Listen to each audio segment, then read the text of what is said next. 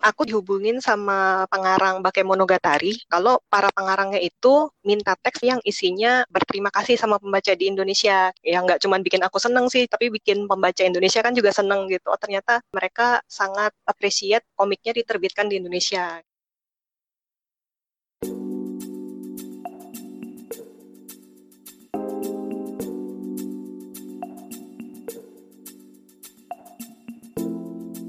Halo Reader, selamat datang di Ngobrol Ngobrol seru, buka wawasan baru. Yeay! Ketemu lagi nih sama Kinda dan Yogi di Ngobrol Kaori dan hari ini Hari ini hmm, kita ini? kedatangan tamu lagi. Kita kedatangan tamu spesial nih, Oh, Yog. Siapa ya? tuh? Nah, boleh kenalkan nih. Di sini udah ada Mbak Sinta. Uh, siapa nih? Mbak Sinta boleh kenalin diri sendiri dulu ya? Boleh? Silakan. Oke, halo halo kau readers, aku Sinta, salah satu editor komik dari Alex Media. Wow. Media, oh ini Bentar, ini bentar. hebat banget loh Alex. Media karena Mhm. Alex Media ini apa sih karena kira-kira? ya Alex Oh, Media itu Mm, jadi Alex Media itu tuh perusahaan penerbit di Indonesia yang udah menghasilkan pen- penerbitannya dalam komik, majalah, novel dan media cetak lainnya. Wah. Khususnya tuh terkenal banget sama nerbitin komik-komik Jepang. Ya nggak sih kan? Wow, hebat Oh, banget sih dari hebat, aku sudah hebat. sangat banyak oleh aku ini ya. Nah, kalau ngomong tentang Alex sendiri ini, Alex didirikan pada tanggal 15 Januari 1985 dan merupakan salah satu anak perusahaan dari Kompas Gramedia. Wow. Eh, dikenal banget nih sebagai pelopor penerbitan manga di Indonesia dan sekarang merupakan salah satu penerbit komik terbesar di Indonesia. Hebat banget kan? Hebat, hebat, hebat. Uh. Oh. Uh, hebat banget. Dan kita udah bisa datengin salah satu editor dari Alex nih. Uh, hebat banget. Mantap. Uh. Nah. Dan mumpung udah ada eh, editornya sekarang langsung nih. Kita mungkin bisa langsung nih kita tanya-tanya. Tanya nih. dong, ya, Mbak. Sinta? Oke, oke. Tanya-tanya ya. Oke. Nih, wuh.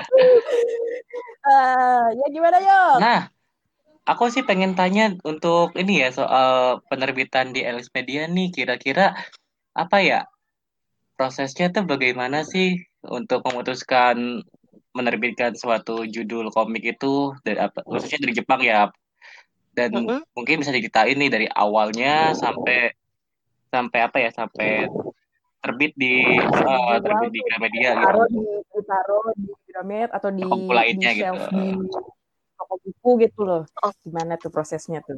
Oke. Jadi awalnya kita review judul dulu nih. Hmm. Nah, ini Hmm. review review judul itu bisa dari misalnya kayak permintaan pembaca atau kita ngeliat kok kayak ini eh, di Jepang lagi lagi nge-hype nih. Nah, itu biasanya nanti Hmm. judulnya itu nanti akan kita cari terus kita biasanya eh, beli sampel dari Jepang, kalau enggak kita baca di eh, web resmi publishernya. Hmm. Nah, kalau misalkan Hmm. kira-kira udah oke nih, wah ini kayaknya bisa terbit nih di Indonesia. Nah, kita nanti eh, ngajuin kontrak dulu ke publishernya.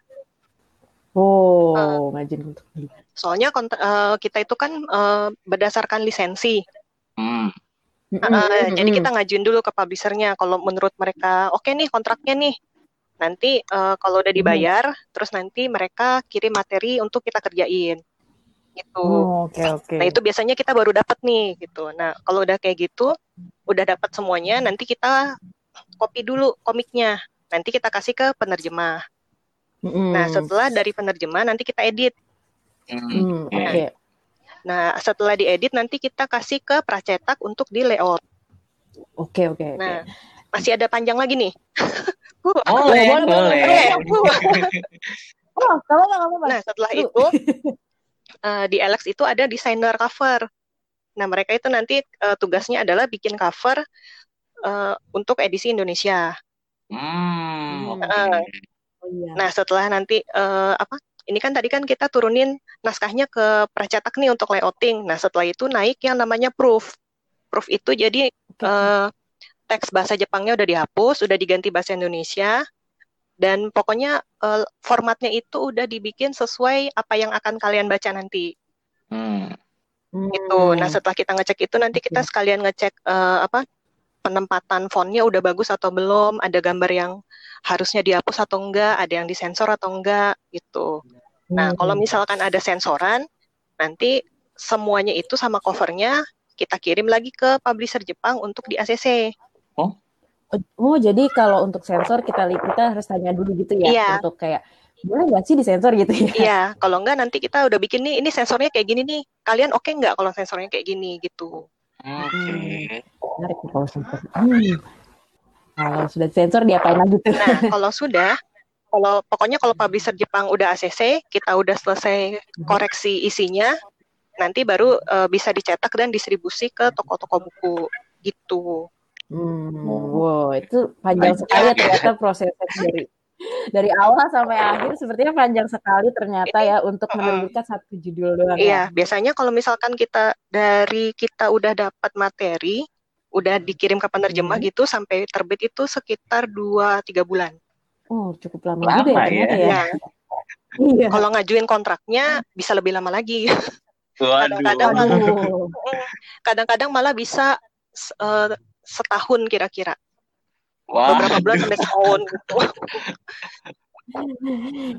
Nah, ngomong-ngomong nih ya kan Mbak Cinta kan juga adalah editor ya di sini Alex-nya nih. Mm. Boleh cerita-cerita nah nih proses editing dan translasinya nih gimana sih kalau di Alex tuh? Nah, apalagi yang yang misalnya itu judulnya aja udah diterjemahin. Contoh tuh mungkin kalau yang yang paling akhir-akhir ini paling ngehot tuh yang diterjemahin tuh komisan. Itu komisan komisio deso dan ya, jadi komisan sulit berkomunikasi. Nah, itu tuh eh, itu mungkin boleh ceritain nggak tuh gimana tuh prosesnya untuk editing dan translasinya bahkan sampai mungkin di sisi judulnya tuh berganti jadi bahasa Indonesia gitu. Oke, nah kalau kalau di kami itu kalau misalkan eh, terjemahan itu kita kasih ke penerjemah freelance. Hmm. Tapi Mm. ed- para editor itu juga harus bisa menguasai bahasa yang eh, bahasa komik yang dipegang.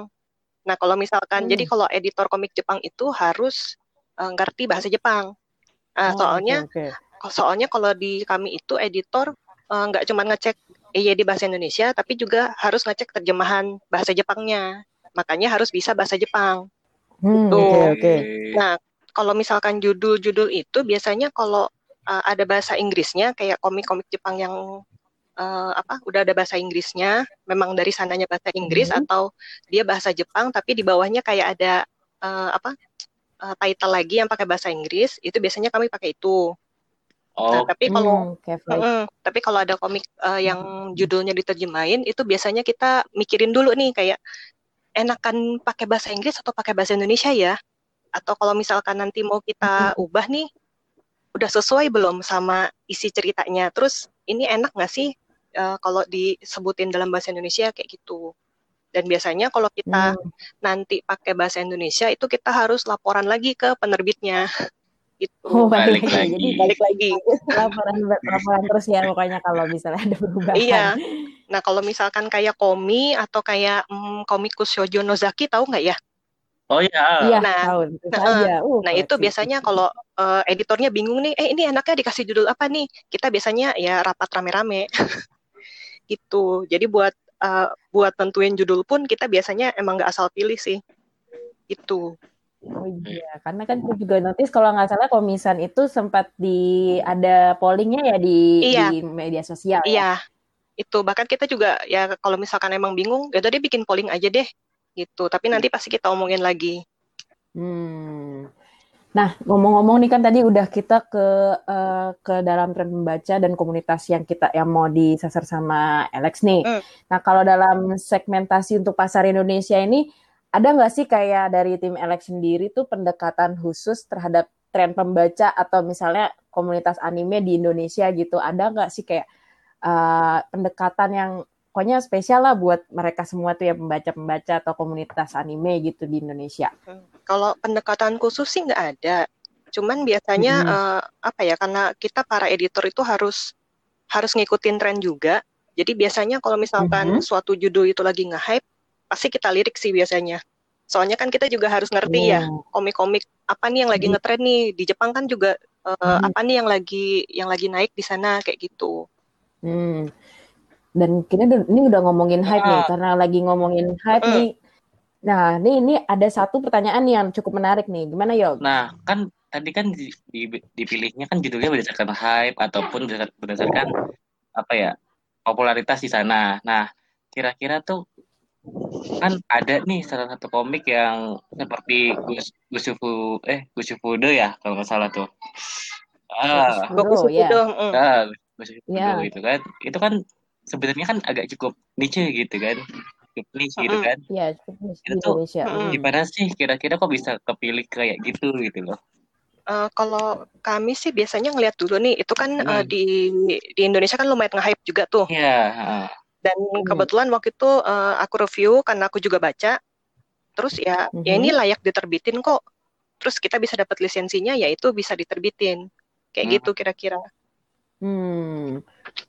Tapi nih kalau misalnya di, dari Jepang sendiri tuh pernah nggak sih kayak ada komikus Jepang misalnya uh, minta nih permintaan khusus kalau misalnya komiknya mau dirilis di Indonesia harus ada ini ini itu itu gitu loh.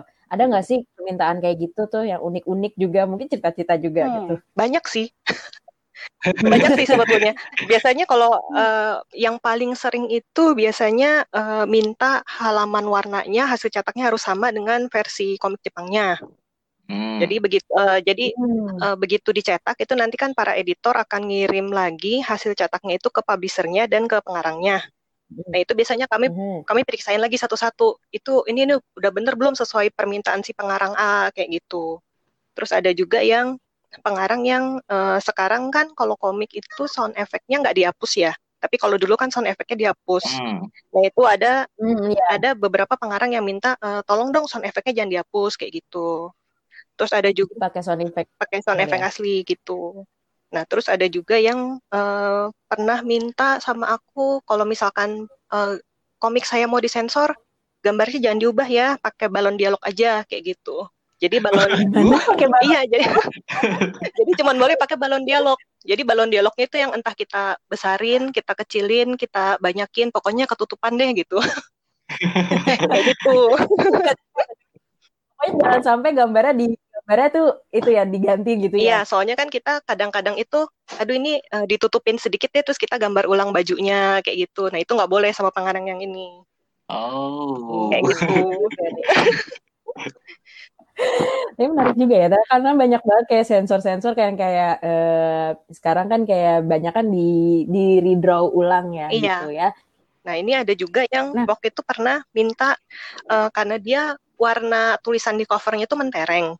Hmm. Nah, ini pengarang, pengarangnya bilang ini harus sama ya warnanya ya. Sampai akhirnya kita ngirimin sampel digital ke Jepang.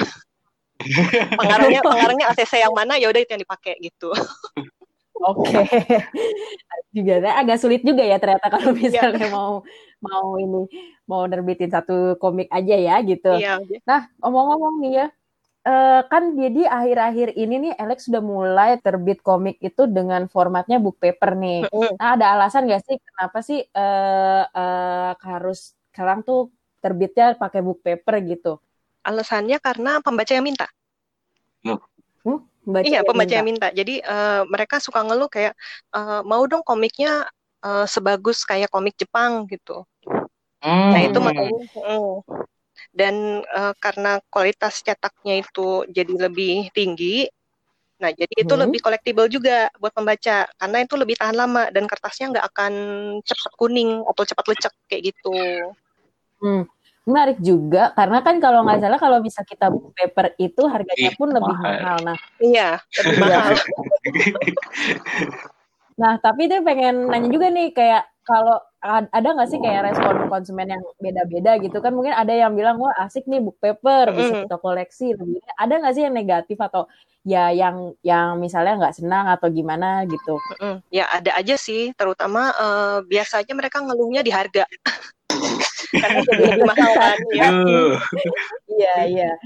Tapi kami rasa uh, sih. tapi kami rasa uh, kami rasa sih itu sebanding sih karena kualitasnya kan jadi jadi lebih meningkat kan. Jadi kalau misalkan dikoleksi ya itu akan lebih bagus dan lebih tahan lama gitu. Dan kalau dan untuk cetak book paper ini kami terapinnya baru di judul-judul unggulan dulu. Hmm. gitu. Soalnya pasti berat iya. kan kalau semuanya dicetak book paper. Waduh berat. Iya sih Nah, tapi di sini ada sesuatu juga ya. Kalau di Jepang sendiri tuh book paper full color tuh biasanya tuh condong kepada chapter yang edisi khusus aja atau hal istimewa cuma pada mangakanya doang. Nah, ini ada nggak sih kayak uh, rencana tuh misalnya uh, book paper yang uh, full color gitu istilahnya gitu atau misalnya nanti udah ada arah ke sana gitu karena kalau aku notice ya walaupun enggak buka book uh, book paper aku tahu tuh ada satu komik yang dia udah mulai ada satu halaman full color yaitu Nozaki Kun ya. Yeah. komikus Nozaki Kun nah gitu. Nah ada nggak sih rencana kayak bikin misalnya uh, book paper full color gitu?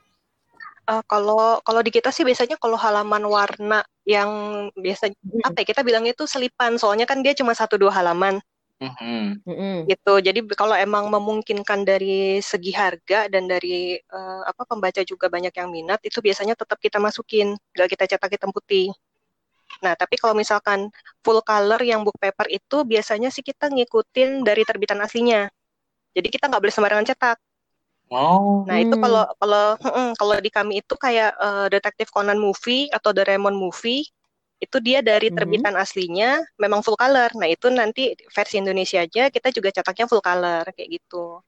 Oh. Hmm. Okay. Jadi memang balik lagi ya harus dengan harus dengan persetujuan dari sananya.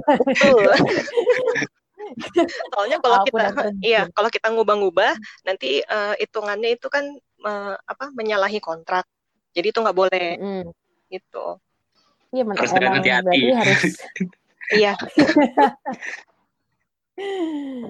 nah, kita mungkin bakal abis ini kita ada satu topik yang lagi lagi ini banget ya, lagi hangat sekali ya di mana nih baru aja Alex nerbitin Gokushi nah, ya. Ya, tentang bapak-bapak yang eh, bapak-bapak bapak-bapak yang oh, ya, yang yang dia yang dia jadi bapak rumah tangga. Bapak rumah tangga ya? Iya. Apa jadi? ya, bapak rumah tangga iya. Udah apa lagi nah. gitu ya. Ini sama menarik karena ya kalau aku sih baca ya, uh nih seru banget sih. Bagus banget ya. Ya Hmm, nah ini, ini juga Goku Shifodo ini juga sendiri diterbitin sama Alex dalam format book paper nih. Ada nggak sih alasan kenapa nih Goku Shifodo jadi uh, format book paper nih? Hmm, itu karena uh, pembacanya banyak yang minta gitu. Jadi oh. sebelum hmm. sebelum rilis nanya hmm. lewat polling dulu nih. Kira-kira uh, apa hmm. mau mau dikoleksi nggak? Kalau misalkan mau terbitnya book paper gimana gitu? Dan ternyata responsnya bagus. Jadi oke okay, kita nanti cetak uh, Goku Shifudo pakai book paper gitu. Nah, tapi balik lagi. Nah, kira-kira tuh sampai volume berapa tuh bakal dicetak dalam format book paper atau semua atau cuma beberapa aja gitu? Semua. Semua dong sampai tamat. Waduh. oh iya dong. Biar nanti uh, biar iya biar konsisten sama semua. Hmm, Oke. Okay. Nah, ini uh, aku sih pengen nanya juga nih dari Alex sendiri nih, uh, apa sih yang membuat komik ini nih sangat menarik banget nih uh, si Goku Shifudo ini untuk diterbitin sama Alex nih dari Alex sendiri nih apa sih yang membuat menarik gitu kan? Kalau tadi kan menurut pembaca gitu loh. Mm -hmm. kalau ini kalau dari Alex. Kalau ini sih mm. aku karena aku secara pribadi aku baca aku juga uh, baca komiknya secara digital mm. kan dia kan tadinya kan rilis secara digital nih. Hmm. Nah itu aku sempat hmm. ngikutin, kok ini kok lucu banget dan ternyata eh, nggak uh, lama hmm. dia nge-hype kan di kalangan pembaca Indo. Nah yeah, terus nah. sempat hmm. sempat rame sempat rame juga kan di sosmed. Nah terus habis itu yeah. dia ada uh, dia mau dibukuin dan mau dilanjutin dan ternyata hmm. pas mau terbit, eh kita malah ditawarin duluan sama penerbitnya. Jadi ya udah oh. langsung diambil. gitu. Kenapa, kenapa enggak gitu? Iya, kenapa enggak? Tapi ya ini ya uh, berarti kalau ada juga yang penerbit yang ngasih tawaran untuk menerbitkan gitu ada ya? Iya ada. Jadi tidak cuma dari dari kitanya aja gitu iya, ya. jadi uh, biasanya para penerbit uh, Jepang itu mereka punya uh, kayak semacam top 10-nya gitu atau uh, ini dari uh, pemenang award apa kayak gitu. Nah, itu biasanya nanti mereka akan ngirimin buletin ke kita kayak gitu. Jadi kita juga bisa review-review dari situ. Uh, nah ini makanya Kabar Readers sekarang tuh uh, Goku sudah udah terbit ya hari, sekarang ya. Iya, udah terbit. Bisa nih kalau misalnya kalau readers mau beli di toko buku, silahkan sekarang ya. Iya. Hmm, harus baca. Sebelum kehabisan. Iya, sebelum kehabisan bener lah itu. Iya, nah, itu. Kalian cukup nge-hype loh ini. Lumayan, lumayan sangat sangat nge-hype sih gitu ya. Sekarang nih kita bakal balik lagi nih tentang dunia nah, penerbitan. Iya, kan. Kira-kira aku sih ada pertanyaan ya kan tadi kan dibilangnya um, kita harus apa ya approval dulu ke penerbit. Nah kira-kira tahu nggak sih kira-kira kalau respon mangakanya tuh kalau tahu nih bakal pengen liris di Indonesia tuh kayak apa sih gitu loh. Oke, jadi Dari- biasanya sih kalau selama ini yang kita tahu biasanya sih mangakanya seneng banget.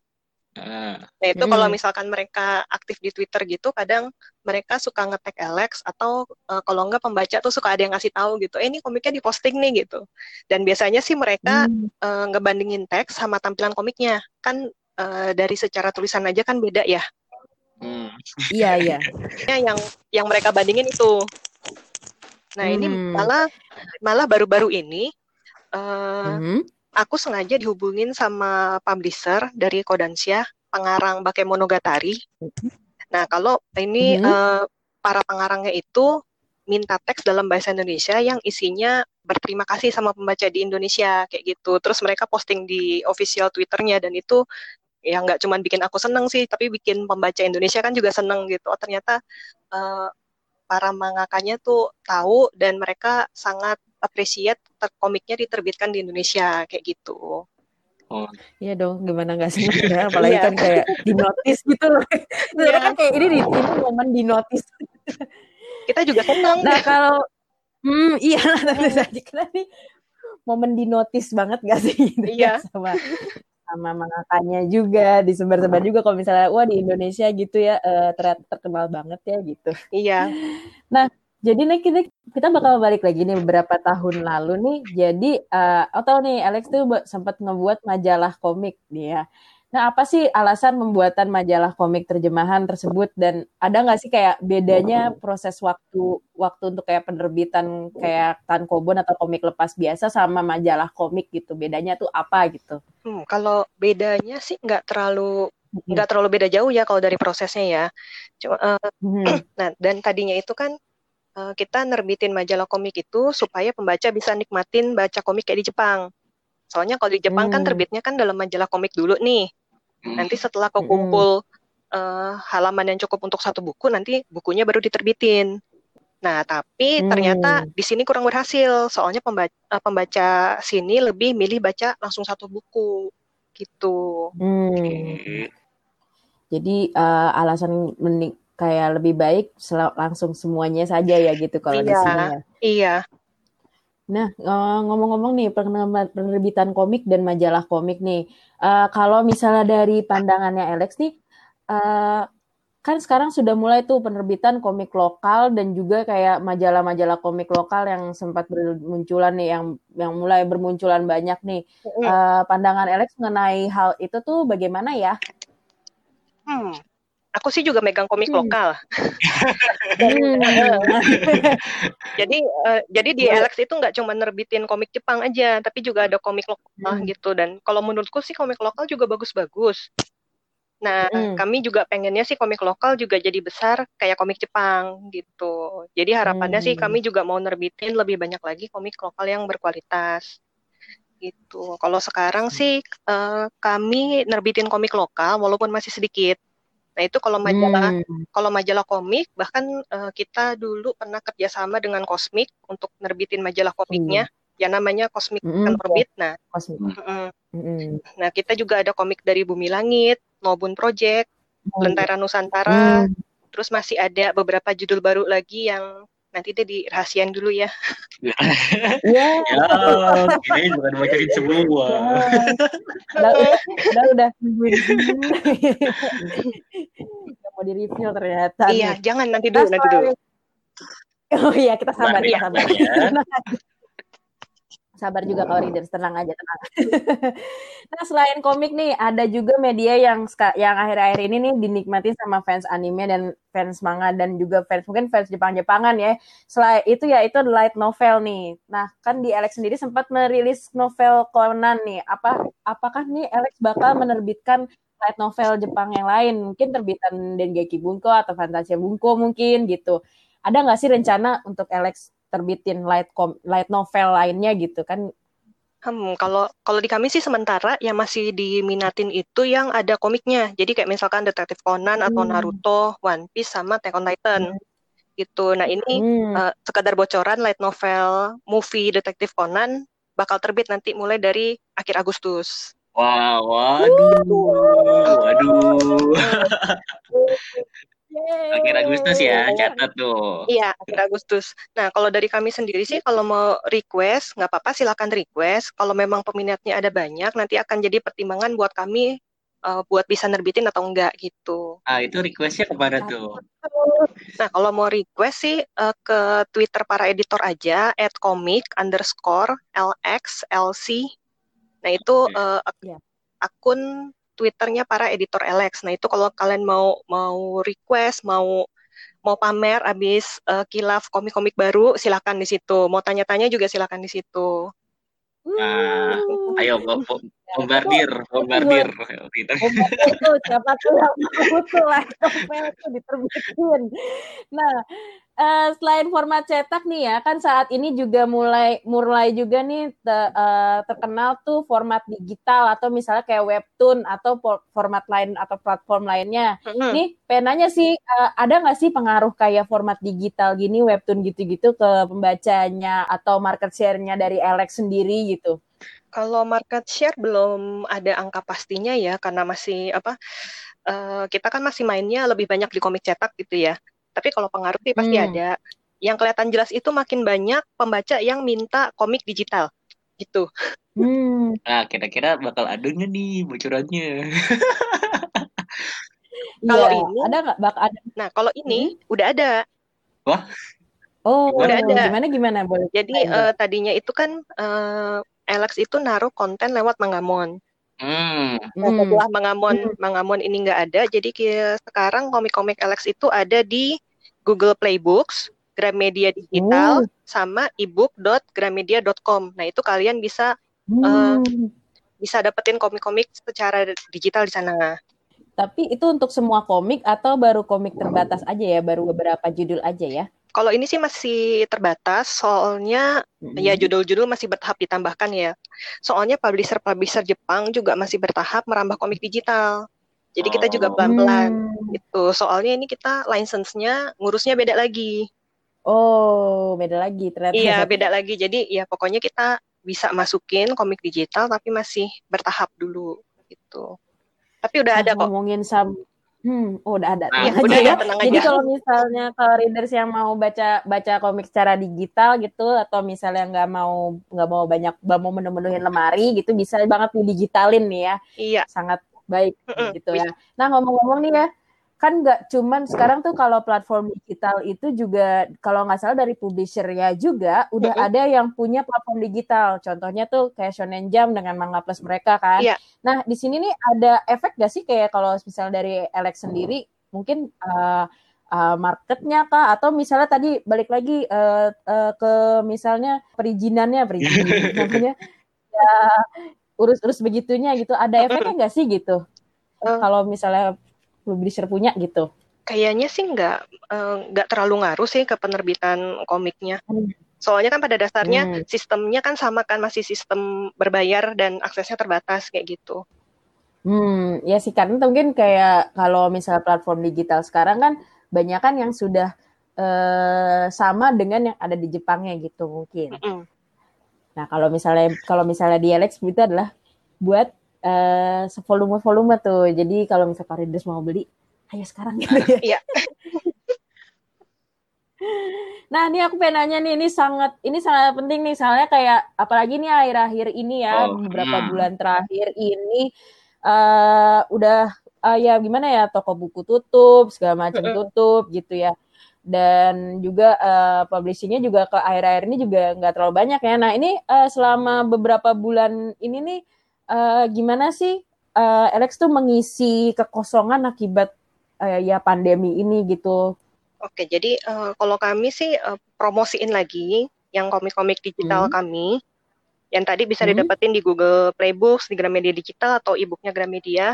Nah itu di situ. Hmm. Nah terus sama uh, apa ya? Jadi selama pandemi ini kita uh, tetap mencetak walaupun uh, cetakannya masih terbatas.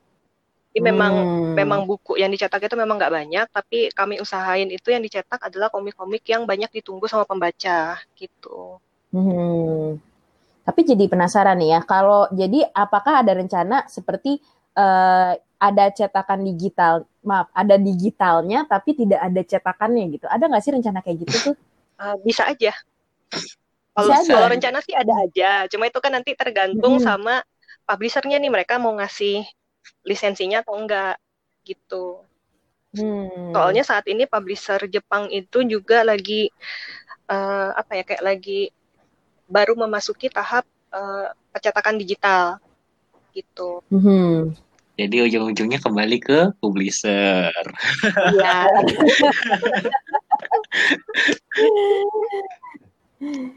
nah ngomong-ngomong nih ya, kan uh, ada juga nih satu hal nih yang aku juga sempat juga join beberapa waktu yang dulu banget. Di sini dulu tuh di Alex ada forum komunitas bagi penggemar komik nih. Itu kayak nanya progres komik, terus abis itu uh, abis itu pokoknya hal yang berkaitan dengan redaksi dan semuanya ada di forum itu tuh. Tapi saat ini tuh kalau nggak salah forumnya udah tutup ya. Iya. Nah, kenapa sih itu tutup? Padahal aku seneng banget dari waktu itu di situ tuh. Nah ini ini juga banyak pembaca yang nanya ya kita juga hmm. sangat menyayangkan sih soalnya uh, karena ada penggantian website Alex yang dibuat jadi baru. Hmm. Nah jadi untuk saat ini tuh uh, format forum itu belum belum bisa dibikin dulu gitu. Hmm. Jadi ya tutupnya karena itu.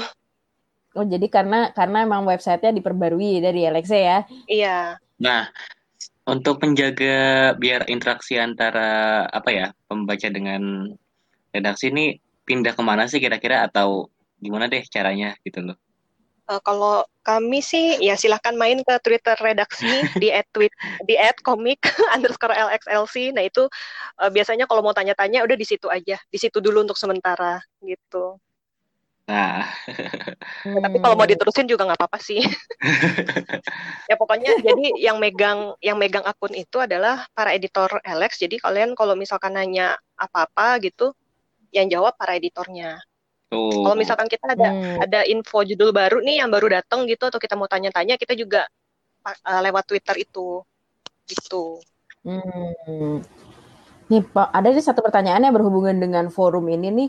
Jadi ada nggak sih ada apakah banyak nih komunitas-komunitas anime atau pembaca-pembaca komik yang selalu keep in touch atau mungkin bahkan kayak komunitas yang kolaborasi dengan Alex boleh cerita nggak tuh? Nah kalau ini sayangnya sih masih belum terlalu hmm. banyak ya.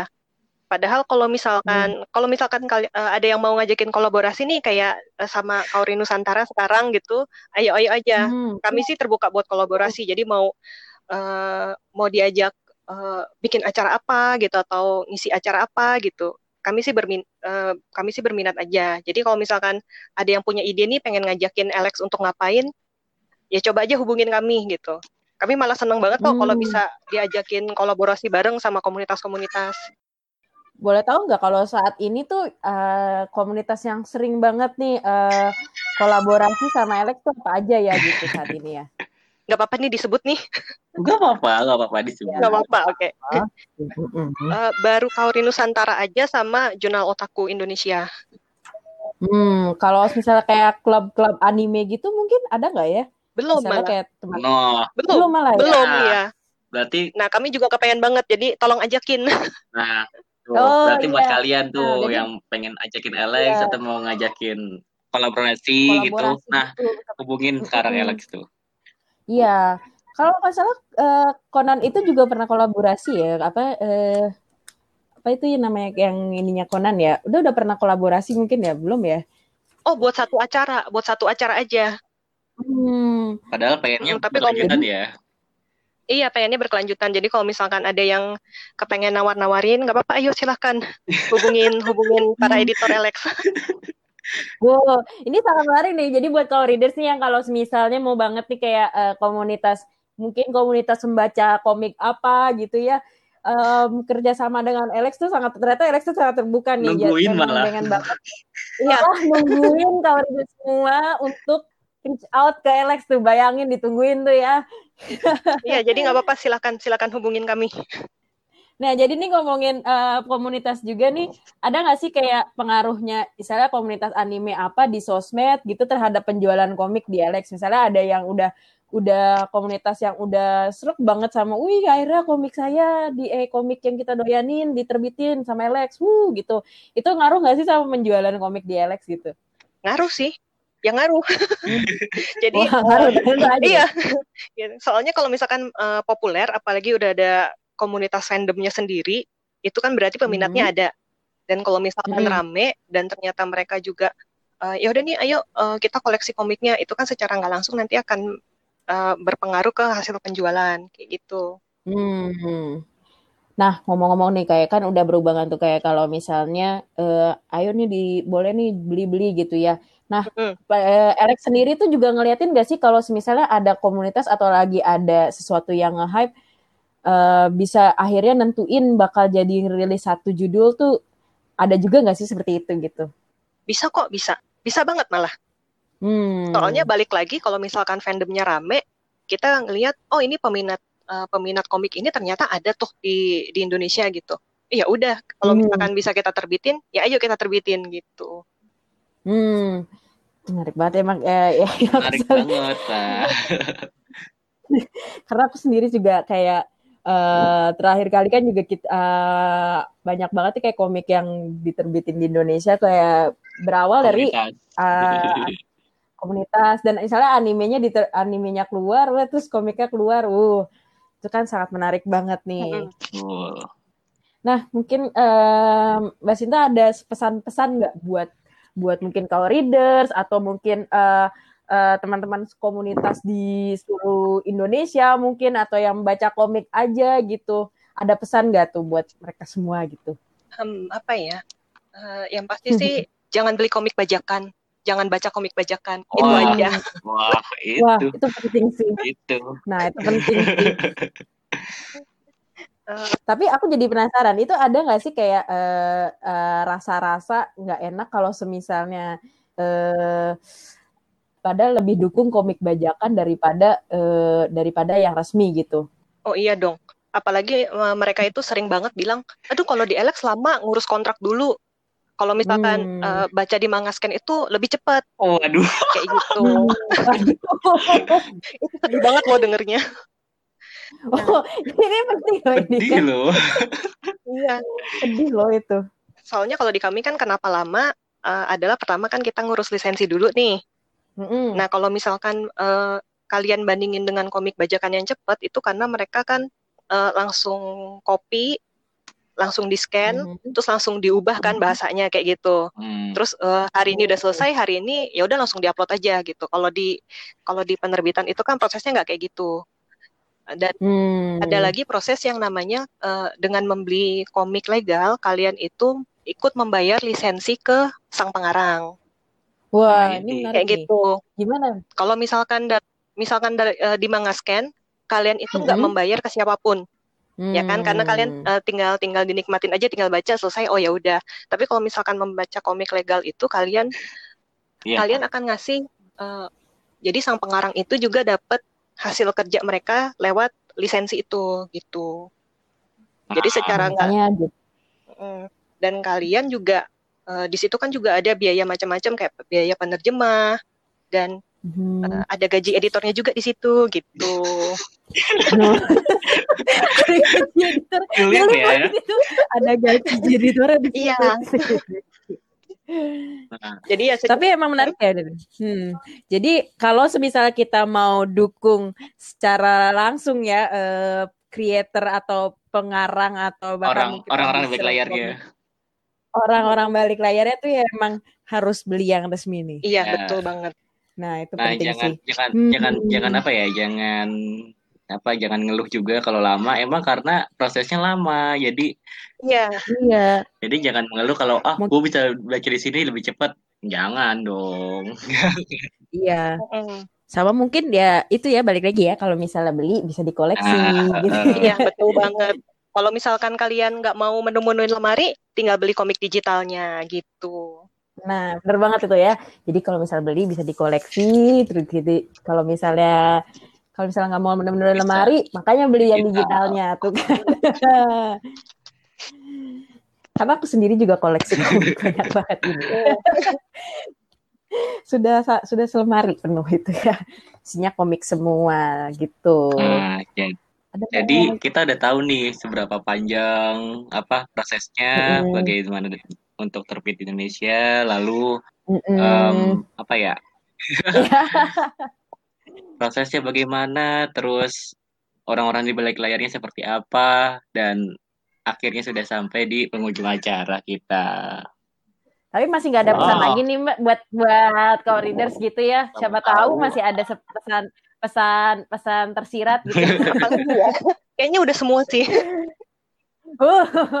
oh ya jangan jangan lupa tuh dibeli dibeli beli dibeli semua komiknya. Iya, koleksi tuh yang banyak gitu ya. Iya. Dan yang terbaru Goku Shippuden jangan lupa tuh dibeli juga tuh. Iya, betul. Penting. Dan kita sudah sampai di penghujung acara nih.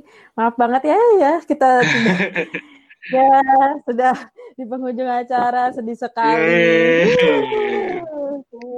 Aku masih menunggu loh satu komik tinggal ada satu komik loh masih aku apa tunggu. Tuh langsung loh. aja Dorin, apa, apa, apa tuh Dorin aja. Uh, bukan bukan tunggu terbitannya sih, tapi udah udah ada lisensinya sih karena tinggal satu tinggal satu volume lagi tuh selesai tuh satu satu apa tuh? Scare Dance tuh. Dorin lagi Dorin. Scare oh. Dance. Ya, Uh, aku udah koleksi deh sampai tiga. Kamu mau spoilernya nggak? Kamu mau spoilernya nggak? Oh, Kebetulan aku editornya. oh, ayo lo, ayo lo. Ya, ayo lo. Ya, ini lo. Iya, jadi aku sangat menunggu Skate Dance tiga dua. Semoga cepat terbit ya.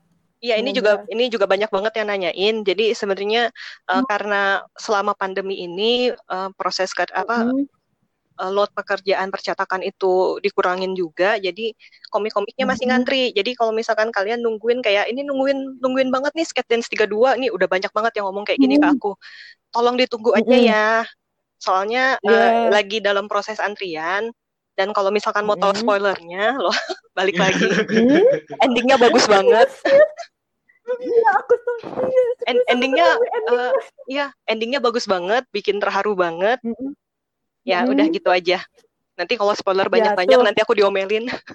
Ya udah Jangan, udah udah, udah. udah udah kita akhiri aja sampai sini. Daripada makin iya. banyak spoiler.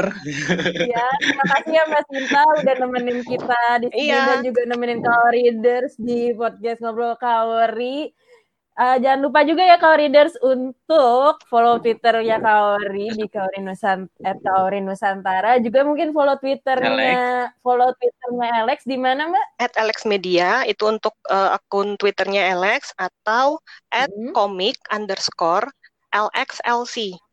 Tuh ya. Jadi kalau misalnya uh, kalau reader semua mau berhubungan dengan berhubungan dengan Alex Media bisa ke langsung aja ke Twitter mereka. Huh. Dan kita juga jangan lupa juga buat kau readers untuk selalu senantiasa ngebuka website kita di www.kauridersatara.or.id.